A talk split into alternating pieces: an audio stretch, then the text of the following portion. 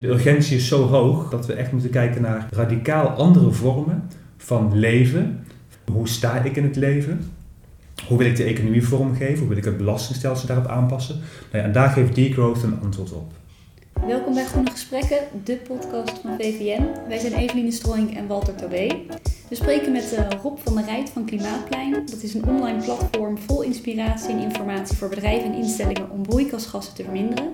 Afgelopen voorjaar publiceerde het Klimaatplein een onderzoek waarin lokale overheden wordt geadviseerd te ontgroeien, zodat we binnen de planetaire grenzen blijven. Dat klinkt ons redelijk bekend in de oren, maar is dat ook zo? Welkom Rob, fijn dat je bij Groene Gesprekken te gast bent. Dankjewel, leuk om hier te zijn. Welkom Rob, ook van mijn kant. We zitten hier in het Sinterklaasweekend. Um, en we gaan het hebben over ontgroeien, ja. growth. Ja. um, de Sinterklaas cadeaus van Marktplaats. Dus, hè? Mooi. Zou je ons eens uh, kunnen meenemen in, in, in de gedachten uh, rondom degrowth? Waar, waar staat degrowth voor? Wat is de definitie van degrowth? Mhm. De definitie die wij in ons onderzoek hebben gebruikt is dat uh, ontgroeien een geplande vermindering van overtollig energie- en materialenverbruik is om de economie op een veilige en rechtvaardige manier terug in balans te brengen met de levende wereld. Dus het heeft een aantal elementen in zich. Uh, hè, dus, dus heel erg duidelijk dat, dat, dat, dat die geplande vermindering van energie- en materialenverbruik, en dat dan op een veilige en rechtvaardige manier, om vervolgens um, ja, de economie weer terug te brengen in balans uh, met de aarde. Ja, ja. Oké, nou we gaan zo meteen nog wat dieper in um, op het concept van degrowth. Mm -hmm. Maar waar komt jouw interesse nou vandaan voor dit onderwerp? Ja, nou, goede vraag. Ik, ik ben dus al uh, een jaar of tien bezig met het Klimaatplein. Dat ben ik tien jaar geleden gestart, omdat er voor het bedrijfsleven eigenlijk nog geen online platform was waarop ze informatie konden vinden of praktijkverhalen van hoe kan ik nu mijn uitstoot van broeikasgassen verminderen. En um, daarmee maak ik impact hè, op dat thema, op klimaat. Maar ik ontdekte gewoon in de loop der jaren dat er uh, naast klimaat nog veel meer speelt op ecologisch terrein. En um, ik ben geen milieudeskundige, hè, ik, heb, ik heb communicatie gestudeerd in Nijmegen. Dus voor mij, was, voor mij ont, ontvouwde zich steeds meer eigenlijk die, dat, dat hele brede spectrum van die planetaire grenzen. He, dat we naast een klimaatprobleem ook een biodiversiteitsprobleem hebben en een verzuring van de oceanen en chemische verontreiniging, noem maar op. Um, en wat ook meespeelde was dat ik, ik heb het aantal klimaatdemonstraties meegelopen de afgelopen jaren en er werd ook heel vaak geroepen: What do we want? Climate justice. When do we want it now? En dat climate justice, ik dacht altijd van ja, dat, dat kan iets bij voorstellen, maar nooit echt ingedoken wat het dan precies betekende. En toen las ik het boek Less is More van Jason Hickel, uh, wat heel erg over degrowth gaat, maar ook heel erg over die klimaatrechtvaardigheid. En dat, daar was ik wel een beetje van in shock eigenlijk, van hoe onrechtvaardig eigenlijk uh, dat, dat klimaatveranderingstuk nu in elkaar zit. Hè? Dat wij als rijke Noorden voor 92% verantwoordelijk zijn voor alle broeikasgassen die we te veel buiten die planetaire grens hebben veroorzaakt. En dat het zuiden daar onevenredig veel overlast van heeft, hè? zowel in monetaire kosten als in mensenlevens. Um, dat is iets wat je wel in je achterhoofd hebt altijd, maar wanneer je die cijfers leest, ja, dan denk je wel echt even van shit, dit zit echt niet goed. En, en degrowth kwam toen op mijn pad als een onderzoeksrichting, waarvan ik dacht van hier kan ik die verbreding en verdieping in vinden en in zoeken, om te kijken van wat kan ik naast het klimaatplein nog meer doen om, uh, nou ja, om bewustwording te creëren bij, bij, bij ondernemers of bij consumenten van, um, nou ja, dit, dit is een wat breder plaatje. Je noemde het boek uh, Less is More, uh, mm -hmm. maar we kennen Grenzen uh, aan de Groei uit 1972, die eigenlijk dat concept al introduceerde. Um, en sindsdien zijn er ook steeds meer theorieën op ontwikkeld. Dus hoe staat dan degrowth in verhouding tot die andere theorieën, mm -hmm. zoals groene groei, zoals circulaire economie of de donut-economie? Ja, nou ja, wanneer je kijkt naar groene groei als theorie, dan wordt er vanuit gegaan dat we nog steeds economisch kunnen groeien en tegelijkertijd de milieudruk kunnen verminderen. En dat is iets wat uit heel recent onderzoek blijkt dat dat niet kan. Dus er is altijd, wanneer je economische groei najaagt, meer energie en materialen nodig om zo'n groene economie dan uh, te realiseren. En dat past dus niet meer binnen die planetaire grenzen. Uh, dus, dus groene groei is een, is een, een, een fabeltje. Uh, en en het is wel iets wat we ja, uh, willen nastreven. En ik begrijp dat ook, groene groei klinkt ook heel lekker. Hè? We kunnen en groeien en het kan op een groene manier. Maar dat, dat past dus niet. Um, dus, dus, en, en, ook een circulaire economie is natuurlijk een fantastisch concept en we moeten ook vooral blijven nastreven.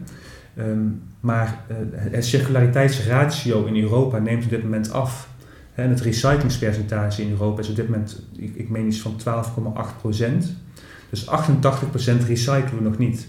Dus, dus, en, en de urgentie is zo hoog hè, dat, we, dat we echt moeten kijken naar radicaal andere vormen van leven, van, uh, van, van um, nou ja, hoe, hoe sta ik in het leven, hoe wil ik de economie vormgeven, hoe wil ik het belastingstelsel daarop aanpassen. Nou ja, en daar geeft degrowth een antwoord op.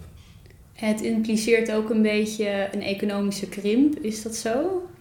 Nou, degrowth um, streeft niet per se een economische krimp na. Het zou een gevolg kunnen zijn van uh, uh, het reduceren van overtollig energie- en materialenverbruik. Uh, maar het is niet zo dat dat per se moet betekenen dat, dat de economie moet krimpen. Um, het is wel zo dat we die economie anders moeten gaan, gaan inrichten en veel minder die focus op economische groei hebben, altijd maar de, groei van dat bruto binnenlands product. Het moet erom gaan, hè, het brede welvaartsconcept. Dus we moeten, de economie moet passen binnen ecologische en sociale grenzen. Oké, en rechtvaardigheid noemde je ook. Mm is een heel belangrijk thema hierin. Zeker, ja. En dat degrowth verhaal is rechtvaardigheid een heel belangrijk stuk. Omdat dat nog nooit echt eerder zo um, expliciet onderdeel is geweest van, van een beweging. En ik zie degrowth ook meer als een soort culturele tegenbeweging tegenover die uh, kapitalistische groeieconomie die we nu hebben moeten we toe naar een economie die niet meer gefocust is op die economische groei, maar gefocust is op van hoe kunnen we de wereld op een rechtvaardige manier uh, fijn laten zijn voor iedereen. Um, en als je dan kijkt naar dat rechtvaardigheidsstuk, um, de 10% rijkste mensen op aarde veroorzaken 52% van de uitstoot van broeikasgassen. Dus daar zit al een heel erg stuk uh, onrechtvaardigheid in. Um, ook als je kijkt naar Nederland, hè, je zou zeggen van Nederland is redelijk gelijkwaardig qua consumptie. Maar uh, als je kijkt naar de rijkste 1% Nederlanders veroorzaakt vier keer zoveel uitstoot van broeikasgassen in vergelijking met een gemiddelde Nederlander. Omdat die rijkste 1% grotere huizen hebben, meer spullen hebben, uh, vaker op vakantie gaan met het vliegtuig. Dus ook in Nederland zit dat nog een uh, ja, enorme onrechtvaardigheid eigenlijk in um, wie dan die milieuvervuiling veroorzaakt. En ook wie dan uiteindelijk de rommel mag opruimen en daarvoor mag betalen. Ja, ja, ja. En ook uit een, een podcast die we eerder hebben opgenomen met uh, Judith Maas, directeur van SGG Nederland, kwam toen ook naar voren dat wij heel veel um, impact ook in het buitenland realiseren. Juist op de consumptie hier. Klopt. Dus er zit ook een vorm van onrechtvaardigheid in. Zeker, ja. Dat is die externalisering ook van milieukosten en van sociale kosten. Ja. er is ook onderzoek gedaan naar bijvoorbeeld de stad Kopenhagen wat dan een voorloper zou moeten zijn van hoe je een groene uh, sociale stad uh, vormgeeft. Maar wanneer je dan kijkt van waar, hè, dus, dus, dus in de stadsgrenzen zelf neemt de uitstoot af, maar ze importeren heel veel meer vanuit het buitenland, vanuit China, vanuit India, vanuit Indonesië. En daar vindt dan de milieudruk plaats in plaats van dat dat binnen de stadsgrenzen wordt veroorzaakt. Dus dat is ook ja, wat je in groene groei niet meeneemt, maar wat je bij degrowth wel meeneemt. Hè? Dus die externalisering van die sociale en ecologische kosten. Ja, ja. Wat u, en misschien ook nog goed om te noemen is dat bij groene groei uh, lijkt het ook alsof we onszelf uit die milieucrisis kunnen innoveren. Terwijl iedere keer blijkt van wanneer we producten efficiënter maken of, uh, of milieuvriendelijker, dan dalen ze ook in prijs omdat ze efficiënter zijn of milieuvriendelijker of dat ze minder materialen bevatten. Maar dan wordt er uiteindelijk ook weer meer van geconsumeerd. Dus heel dat milieustuk wat je wint in, in efficiency, wordt weer teniet gedaan omdat er meer van wordt verkocht. Dat noemen ze ook wel de Jevons uh, paradox of het uh, rebound effect. Rebound effect. Ja. ja. ja. Dus eigenlijk zeg je, hè, dat het huidige economische systeem, uh, dat zit ons in de weg. Mm-hmm. Om in die planetaire grenzen te blijven. Hè. Dat weten we natuurlijk, hè. ook uit de, de donut-economie. Ja. Cape Raworth. Goed voorbeeld, ja. Ja. Um, dus er is een andere focus nodig op, uh, op, op hoe wij uh, economisch met elkaar omgaan. En misschien wel ook een andere focus op waar wij, wat wij belangrijk vinden. Ja. Maar moet het, waar moet die focus dan liggen? ja, die focus zou veel meer moeten liggen op ehm, eh, genieten of op levensvreugde. Ja, het klinkt misschien een beetje uh, geitenwolle sokkerig, maar ik denk dat het wel daar naartoe moet. In plaats van die focus op ehm, economische groei en het verzamelen van meer materie, ehm, moeten we toe naar hoe kun je een fijne wereld, een fijne, schone wereld creëren voor jezelf en voor je kinderen, waarin je zorg kunt dragen voor je buren en voor je familie en voor je vrienden. dus dat is een hele andere daarom denk ik ook wel eens van degrowth is naast dat milieutechnische stuk en dat, dat, dat klimaatrechtvaardige stuk ook heel erg een soort culturele tegenbeweging. Uh, waarbij je vanuit hele andere waarden uh, een samenleving gaat inrichten. Oké. Okay. Sluit ook een beetje aan, denk ik, bij de, de term brede welvaart. Ja. De monitor brede, monitor brede welvaart. Ja. ja. ja. Oké. Je noemde Kopenhagen mm als, als voorbeeld van een stad die daar onderzoek naar doet.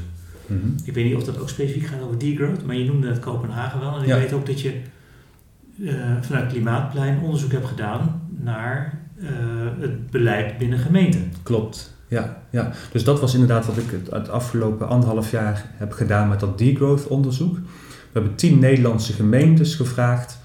Um, ik en een aantal uh, ja, professoren die ik heb gezocht van zouden jullie mij willen begeleiden bij dit degrowth onderzoek en dat wilden ze allemaal gelukkig vrijwillig. Uh, met, met heel veel expertise van circulaire economie en van, van uh, duurzame samenleving. En, um, dus ik had wel de juiste mensen daarbij gelukkig kunnen vinden. We hebben tien uh, gemeentes in Nederland gevraagd van vindt in jullie gemeente al degrowth plaats? Zie je voorbeelden daarvan ontspringen? Binnen je gemeentegrenzen? Of creëer je al de voorwaarden om zo'n degrowth uh, samenleving te realiseren? En um, nou, dat was heel erg, heel erg leuk om te doen. ik heb veel burgemeesters en wethouders geïnterviewd, ook uh, websites geanalyseerd met duurzaamheidsverslagen. En dan zie je inderdaad dat er al wel heel veel gebeurt binnen die gemeentegrenzen. Denk aan uh, energiecoöperaties, die, die inzetten op het besparen op energie, maar ook op het opwekken van duurzame energie. Uh, denk aan het uh, repaircafés of kringloopwinkels of mobiliteitsdeelapps. Er vindt al ontzettend veel plaats, maar wanneer je het legt naast de definitie van degrowth, dan is het nog wel ja, absoluut onvoldoende om bijvoorbeeld het klimaatdoel van Parijs te halen, hè, die anderhalve graad opwarming. Um, dus dat was wel, nou ja, wel interessant. In het, in het discussieonderdeel van ons onderzoek communiceren we daar ook over. En, en, en, en halen we ook um, ja, naar boven zeg maar, van waar dan de verschillen nog zitten tussen wat is degrowth, waar zou, wat zou degrowth moeten zijn en wat vindt nu al plaats binnen die Nederlandse gemeentes. Ik zal het onderzoek ook delen met de luisteraars als, als je ja, via de website ja. van de VVM. We zetten hem in de show notes. Ja, zeker. Top. Ja. En je concludeerde nu dat het dus niet helemaal in lijn is met wat er nu gebeurt en wat de definitie van degrowth uh, zou zijn. Mm -hmm. Kun je een paar voorbeelden noemen van hoe dat dichter bij elkaar komt? Ja, nou, wat je bijvoorbeeld ziet in de ambities van steden, hè, is dat ze zeggen van we willen in 2045 klimaatneutraal zijn of in 2040 circulair of aardgasvrij. Um, maar dat zijn doelen die veel te ver weg liggen nog. Uh, dus je zou eigenlijk moeten eisen van je gemeentebestuur we willen doelen voor deze bestuursperiode en daar willen we je ook op af kunnen rekenen. En nu zie je dat er beleid wordt gemaakt op de lange termijn, uh, waar gemeentebesturen ook niet op kunnen worden afgerekend. Terwijl eigenlijk zouden ze in een soort van noodtoestand moeten gaan opereren nu. Want we, staan er echt, als je kijkt naar alle planetaire grenzen, staan we er gewoon verschrikkelijk slecht voor. En de, echt dat nood, die noodtoestand, um, er is Amsterdam geloof ik, die heeft wel de klimaatnoodtoestand uitgeroepen. Um, maar eh, heel veel steden en dorpen die we hebben geïnterviewd in ons onderwerp, die zijn daar nog absoluut niet mee bezig. Uh, en dat is wel iets uh, waarvan wij zouden zeggen, neem dat op in je beleid, in je vierjaarlijks beleid. Dit wordt ons reductiedoel. En halen we dat niet, dat je dan ook een soort noodpakket hebt of een soort noodrem om te kijken van oké, um, hoe gaan we dan die doelen wel halen? En, en ja, dat is op dit moment is, er nog, is er nog geen sprake van. Dus, dus maak die milieu- en sociale doelen veel tastbaarder en stel jaarlijks uh, stuurbare en te, verifiëren doelen op, zodat de bevolking je er ook daarop kan afrekenen. Oké, helder. Ehm, als ik het dan meer betrek op mezelf, uh, en stel mijn gemeente wil gaan ontgroeien, Mhm. bijvoorbeeld, eh, hoe ziet dat er dan uit en wat merk ik daar dan van als ik Mhm. in zo'n gemeente woon? Ja, nou ja, ik denk als je heel praktisch kijkt. ehm, eh, kijk, groene groei bijvoorbeeld, om dan een voorbeeld te noemen, gaat ervan uit dat iedereen elektrisch zou moeten rijden. In plaats van op fossiele brandstoffen. Ja. Die growth gaat uit van we moeten allemaal elektrische deelauto's hebben. Eh, dus dat je eh, één auto hebt per straat die wel elektrisch is, maar die je via slimme mobiliteitsapps kunt gaan delen. Dus wat jij in jouw stad dan zou kunnen terugzien, is veel minder auto's en een hele handige app waarin je jouw eh, eh, eh, ja, mobiliteit kunt organiseren. Naast het openbaar vervoer natuurlijk en de fiets eh, die je al hebt. Of dat je kijkt naar eh, in de winkel, eh, dat je daar producten ziet met een veel langere levensduur. Eh, nu worden vaak producten gemaakt met een soort geplande veroudering. Dus dat je wasmachine gewoon gegarandeerd na 15 jaar kapot is, in plaats van dat die 30 jaar meegaat. Dus je zult producten zien die veel langer meegaan, die veel makkelijker zijn te repareren, met een langere garantietermijn, met een recht op reparatie. Ehm, je zult ook zien dat, ehm, eh, dat, dat, dat je dieet, hè, ook in restaurants ehm, en ook in de supermarkten, dat er veel meer plantaardig wordt aangeboden in plaats van eh, vlees, hè, omdat het gewoon niet past. Eh, niet alleen binnen die klimaatgrenzen, maar ook binnen die stikstofgrenzen of binnen ons landgebruik. Dus, dus je zult op, op, op die vlakken allerlei veranderingen gaan zien. Ja, en, maar ik kan me ook voorstellen dat het vlakken zijn waarin de gemeente niet altijd eh, invloed heeft. Eh, en sterker nog, ehm degrowth lijkt me juist heel erg toepasbaar op commerciële bedrijven die elk jaar meer winst, meer productie willen draaien, meer afzetmarkt willen creëren. Ehm, waarom dan toch de focus nu op gemeentes in het onderzoek? Nou, omdat zij wel degene zijn die ehm, eh, met eh, bepaalde wet en regelgeving dingen in gang kunnen zetten.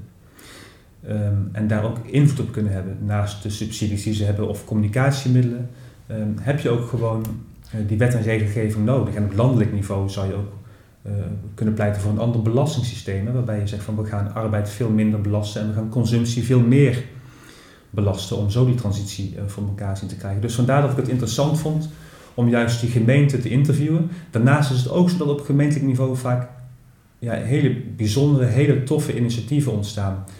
Eh, op het gebied van mobiliteitsdeelapps of ehm, lokale moestuinen of eh, ja, andere manieren van ehm, eh, ja, zelf, zelfvoorzienendheid. En dat is ook wel iets wat past binnen die, die degrowth beweging. Dat we veel meer lokaal moeten gaan produceren en consumeren om eh, ja, veel meer van het seizoen eten bijvoorbeeld. Of ehm, eh, ja, om, ook om die transportbewegingen veel korter te maken dan dat ze nu zijn.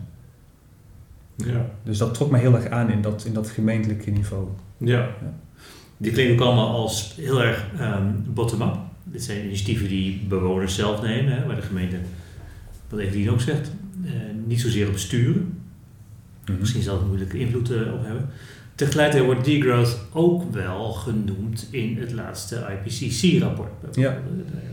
Ja, er werd het zeven keer genoemd, maar liefst. ja. Ja, dus ook daar wordt nu eh, deze beweging, deze eh, manier van het verkleinen van de milieudruk en sociale druk, wordt daar, wordt daar opgevallen en meegenomen ook in de rapporten. Ik zie het ook vorige week als op CNN bijvoorbeeld een hele reportage over degrowth en deze week op Al Jazeera. Dus je ziet het steeds meer eh, onderdeel worden van het, van maatschappelijk discours. Wat ook echt heel belangrijk is, want ik zie het ook eigenlijk als de enige eh, manier die we nog hebben om daadwerkelijk weer terug te gaan in die planetaire grenzen. En, en waarbij ik ook nog een keer wil benadrukken van het gaat niet alleen om het halen van het klimaatdoel, het gaat ook over het tegengaan van de verzuring van de oceanen of, eh, of, hè, of, of die, die plastic soep. Of, eh, nou ja, goed, ik hoef dat jullie natuurlijk niet uit te leggen en de luisteraars ook niet. Maar, maar dat, dat hele brede spectrum, dat is ook wat we die gemeenten overigens aanbevolen, van check niet alleen je klimaatprogressie, maar neem ook al die andere eh, planetaire grenzen mee in je gemeentelijk beleid. Want je kunt wel nu heel erg gaan sturen op we willen meer zonnepanelen of meer windmolens gaan plaatsen. Eh, maar denk na, waar komt dan dat materiaal vandaan? Waar komen die zeldzame aardmetalen vandaan om die zonnepanelen of die lithiumbatterijen of die, of die windmolens te laten draaien? Daar, zit, daar gaat een hele keten aan vooraf. Ehm, en, en, en, en er zijn ook mensen bij betrokken, tot, uh, tot en met in Afrika en Azië, hè, van de mensen die daar die, die zeldzame aardmetalen winnen. Dus dat is ook wel een beleidsadvies van ons. Ehm, eh, neem dat hele stuk mee en focus nu niet alleen op het plaatsen van, van 300 windmolens ergens in een polder, om daarmee je eigen stad te voorzien van duurzame energie. Uh, want dat is ook niet op de.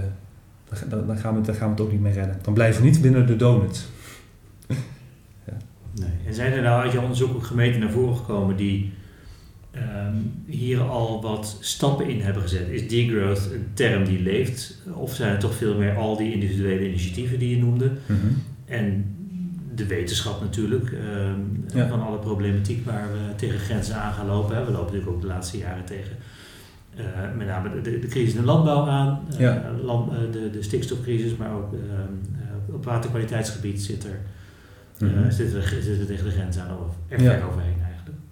Klopt, nou dat was eigenlijk heel erg contextspecifiek inderdaad. Dus ik heb een aantal dorpen in Brabant, bestuurders geïnterviewd, waarbij dat landbouw een stuk veel meer speelt. Waar degrowth geen thema was wat ze, wat ze kennen, maar waarbij ze wel heel direct te maken krijgen met die stikstof en, en, uh, en ook bijvoorbeeld de, de grondpeil, uh, watergrondpeil, hè, dat dat verhoogd moet worden. Dus daar, daar, ja, terwijl in steden bijvoorbeeld, als je, wanneer je dan met wat meer linksere bestuurders spreekt, daar was degrowth, was ook een wethouder bij, zo ja, dit, dit, hier pleit ik al 40 jaar voor. Uh, dus uh, afhankelijk van welke politieke partij, alhoewel ik ook een VVD-wethouder sprak, overigens van een grote stad, die dit uh, helemaal omarmde ook. Het is misschien ook wel leuk om te vertellen, we hebben onlangs ook een boek uit, uitgebracht, Er is leven na de groei, um, waarbij we ook dat postgroei-idee proberen voor, ja, voor het voetlicht te brengen. Dat is geschreven met elf, um, nou met auteurs van elf verschillende politieke partijen. Dus van SGP tot en met Partij voor de Dieren en alles wat ertussenin zit. Okay. Uh, hebben we dat boek geschreven. Dus je ziet daar een heel breed gedragen um, um, basis voor. Om, uh, van, van, uh, ja, we, we, zien gewoon dat we aan die grenzen van de groei nu zitten. En het is, het is zichtbaar um, bijna dagelijks op het nieuws. ja, hoe gaan we dan toch weer terug binnen die donut ondernemen? En, en door dat met elf politieke partijen of in ieder geval met mensen van elf verschillende politieke partijen te schrijven, uh, ja, vond ik wel heel hoopvol. Uh, je ziet ook in de, in de Tweede Kamer, we hebben dit onderzoek wat ik gedaan heb bij die gemeentes, ook aangeboden aan de Tweede Kamer onlangs. En dan zie je daar van de, van de BBB tot met Partij voor de Dieren mensen die dat dan in ontvangst nemen en, en heel dankbaar zijn met die beleidsaanbevelingen die we dan hebben gedaan. Dus um, er is echt wel momentum nu, denk ik, voor zo'n culturele tegenbeweging die het um, ja, over een andere boeg wil gooien. Ja, ja, ja. ik denk gelijk even aan gemeentes en de huizenbouwopgave die we ook hebben. Over degrowth gesproken, dat wordt natuurlijk nog een, een hele complexe, want daar ja. gaat ontzettend veel materie en materiaal in zitten ja. en energie. Klopt. Ja, nou wat, wat degrowth dan zegt bijvoorbeeld over huizenbouw is, ja. kijk eerst naar eens wat je al aan bestaande bebouwing hebt en kun je dat niet upgraden naar, uh, naar woningen. Ja, ook als ik, ik woon dan zelf in Zertogenbos, Bos zijn de laatste jaren ontzettend veel kantoorpanden omgebouwd naar woningen. En die kantoorpanden stonden gewoon leeg en met corona alleen nog maar meer. Um, dus ik denk dat dat ook wel, er moeten ook gewoon heel veel nieuwe huizen gebouwd worden. Hè? En dan moet je kijken van hoe kunnen we die energie-neutraal bouwen met biobased materialen. En uh, ook op zo'n manier bijvoorbeeld hè, dat je wijken creëert uh, waar een, een, een schuur staat waarin allemaal gereedschap staat. Hè? Dus dat, dat je niet meer iedereen zijn eigen grasmaaier heeft of zijn eigen hamer of zijn eigen boormachine. Maar dat je wijken creëert waarop je dat deel, die deeleconomie al integreert. Hè? Dus met deelauto's, met deelgereedschap, met uh, deelenergie. Um, ja, dus dat is ja, een hele innovatieve manier van, um, van realiseren en denken en vormgeven. Ja. Ja, feite uh, hè, pleit je inderdaad voor meer een beweging mm -hmm. uh, dan een, um, zeg, een overkoepelende inrichting van, van, van een maatschappij. Ja. Of zit er toch nog wel een, een, een gedachte achter, nou dit, zijn wel, dit is wel de manier waarop we onze maatschappij moeten gaan inrichten, want dan. Ga je meer inzetten op sturing vanuit, vanuit de overheid? Ja, ja ik, denk dat het, ik denk dat we alles nodig hebben. Dus we hebben en die sturing nodig vanuit de, Rijks, vanuit de Rijksoverheid, vanuit decentrale overheden. We hebben eh, heel veel burgerinitiatieven nodig. We hebben heel veel kennis en kracht nodig vanuit uh, de coöperaties die er allemaal zijn. Dus het is, uh, ja, we hebben eigenlijk alles nodig wat dat betreft. Je zei net ook dat het momentum er is, of dat we die cultuuromslag kunnen gaan maken. Mm -hmm. maar over het algemeen nemen transities heel veel tijd in beslag is het inzetten van de degrowth nog op tijd om binnen onze afspraken over klimaatverandering, maar ook uh, de biodiversiteitscrisis voor te zijn? Zijn we mhm. daarvoor eigenlijk uh, op tijd uh, of duurt dat niet te lang, zo'n omslag? Ja, nou ja, zo, zo, zoals ik het nu dus zie, hè, ook, ook, er komt binnenkort een journal voor degrowth aan bijvoorbeeld. Hè, de, de, eerste editie, daar staat ons artikel ook in gepubliceerd. Um, dat ik het nu op Al Jazeera en op CNN terugzie, dat, dat, je, dat, dat het boek dat we geschreven hebben over Ergens leven naar de groei, uh, nu al binnen een maand aan de vierde druk is. Um, er is dus ontzettend veel belangstelling voor. Ik denk dat mensen echt snakken naar een nieuw verhaal. Um, en dat mensen ook ja, die urgentie voelen van we moeten uh, dit anders gaan inrichten. Minder gefocust op economische groei, veel meer gefocust op brede welvaart en op uh, ja, levensvreugde. Ja, zo noem ik het maar. Ik kan niet zo snel een andere term bedenken. Um, dus ik, um, ik ben er wel hoopvol in. Ja, het moet ook. Je moet ook wel hoopvol blijven. Want uh, uh, wat ik al eerder aangaf, van we staan er gewoon niet goed voor. Als je kijkt naar de negen planetaire grenzen die we hebben, zijn er volgens mij vijf al overschreden. En staan er twee op het punt om overschreden te worden. Dus, dus die urgentie is ook heel erg um, hard nodig. En ik denk dat het gevoeld wordt in de hele maatschappij, ook in het bedrijfsleven overigens, um, om hier met z'n allen um, ja, aan te gaan werken. En weer terug in die, in die donut te gaan. Oké. Okay. Ik zit nog even te denken aan onze luisteraars, Rob. We hebben natuurlijk een, een grote groep luisteraars die, zijn, die hebben een groen hart. Mm die gaan op de fiets of met openbaar vervoer of ze hebben zonnepanelen en ze eten biologisch en ze eten waarschijnlijk minder vlees. Um, zijn er nou tips vanuit jouw kijk op degrowth en de, ik zeg, alle voorbeelden die je hebt gezien in jouw onderzoek um, en misschien de verhalen die je kent vanuit de grote denkers op dit, uh, op dit vlak, mm -hmm. die je mensen kan meegeven die ze in hun, uh, in hun eigen leven, maar misschien ook in hun werk zouden kunnen toepassen? Ja, nou, als je kijkt naar het, het, het eigen privéleven, dan denk ik inderdaad dat er bij jullie luisteraars, uh, dat, dat die al goed op de hoogte zijn van hun ecologische impact. Hè. Die begint bij spullen, mobiliteit, vliegreizen, eten, inderdaad. Um, je zou nog wel kijken naar wat kun je op je werk doen. Hè. Uh, is het werk dat ik doe, draagt dat bij aan um, ja, het, het halen van die ecologische en sociale doelen? Um, en als dat niet het geval is, dan zou je natuurlijk uh, kunnen proberen om je directie te overtuigen om dat wel te doen. Hè, of met plannen te komen om wel binnen, zo'n, uh, binnen die ecologische grenzen te gaan ondernemen. En anders moet je gewoon overwegen om misschien iets anders uh, te gaan doen. Als je echt overtuigd bent van die urgentie. Um, dus dat zou je op werkniveau kunnen doen. Ja, ik, als ik kijk naar, naar privé, ik vind um, wat ik, waar ik zelf nog heel erg mee worstel, is de auto die wij voor de deur hebben staan. En, en daar heb je ook deelapps voor. Mijn vrouw is sinds kort, uh, die had de auto nodig om naar het ziekenhuis te gaan. Dus die werkte eerst in een streekziekenhuis. Nu werkt ze in het, in het stadsziekenhuis. Dus die, die gaat met de fiets naar, uh, naar haar werk. Dus die auto die staat nu eigenlijk voor de deur de hele tijd niks te doen. En dat vind ik wel echt heel lastig. Om te zien ook. En dan staat hij weer te niksen.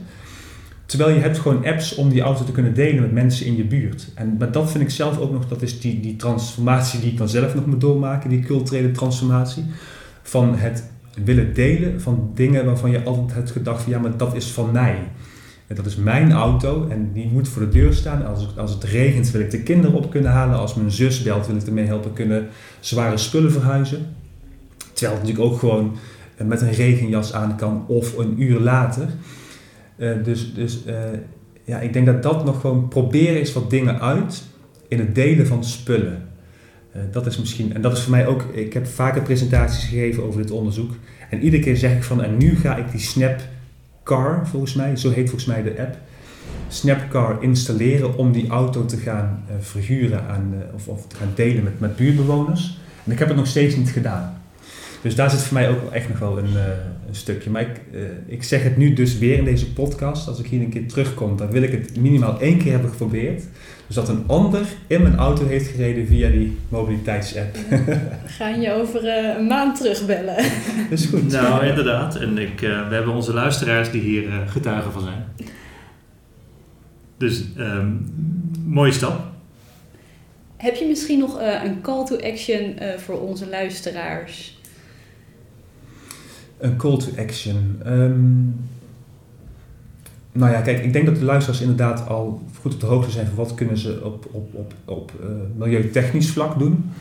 Misschien is het nog een idee om ook te kijken van hoe kun je lokaal bijdragen aan, aan ecologische actie of aan klimaatactie. We zijn bijvoorbeeld in Den Bosch ben ik betrokken bij een, een, de Bosse Klimaatcoalitie. En daarmee proberen we iedere keer het bestuur scherp te houden op um, het halen van klimaatdoelen of andere ecologische doelen. Door ze iedere keer weer tips aan te bieden. Uh, of we hebben nu weer een Sinterklaasgedicht bijvoorbeeld gedacht, bedacht met daarin 50 tips voor lokale uh, klimaatbeleidsmaatregelen die ze morgen bij wijze van spreken al kunnen uitvoeren. Dus kijk misschien ook hoe je ja, wat activistischer kunt zijn nog in je, ja, in je dagelijks leven. Oké. Okay. Ja. Misschien een laatste vraag, uh, Rob. Ik hoor heel veel mooie um, en inspirerende gedachten en maatregelen en stappen die mensen kunnen gaan zetten. Mm -hmm. uh, toen ik voor het eerst hoorde over degrowth, uh, dacht ik ook wel, is dit ook niet een soort utop, utopie, een utopistische samenleving die we proberen te creëren? Mm -hmm. Hoe krijg je mensen en masse eigenlijk mee in deze hele transitie? Ik moet ook wel denken aan um, de, de, het gesprek wat we hadden met Floor Avelino in uh, een van de voorgaande podcasts over um, macht en transitie en de noodzaak ook om uh, ook op sociaal vlak tot een transitie te komen. Mm -hmm. Hoe kijk jij hier tegenaan? Is dit een utopie of zie je dit als een beweging die uh, ons op de juiste koers gaat zetten om te voorkomen dat we tegen grote rampen gaan aanlopen? Ja. Of gaan we daar wel tegenaan lopen en worden we uiteindelijk gedwongen tot degrowth? Omdat ja. er toch. Nou, precies, dat, maar dat is dus het alternatief. Het alternatief is dat we door de milieugrenzen worden gedwongen om in, uh, ja, op, op, een veel minder aantrekkelijke manier uh, onze economische activiteiten te verminderen. Omdat gewoon de helft van Limburg straks onder water staat of de Flevopolders zijn verdroogd, bij wijze van spreken. Uh, dus ik denk dat we gewoon dat utopische ook moeten vasthouden en dat je daarin moet blijven geloven, want anders dan heeft het.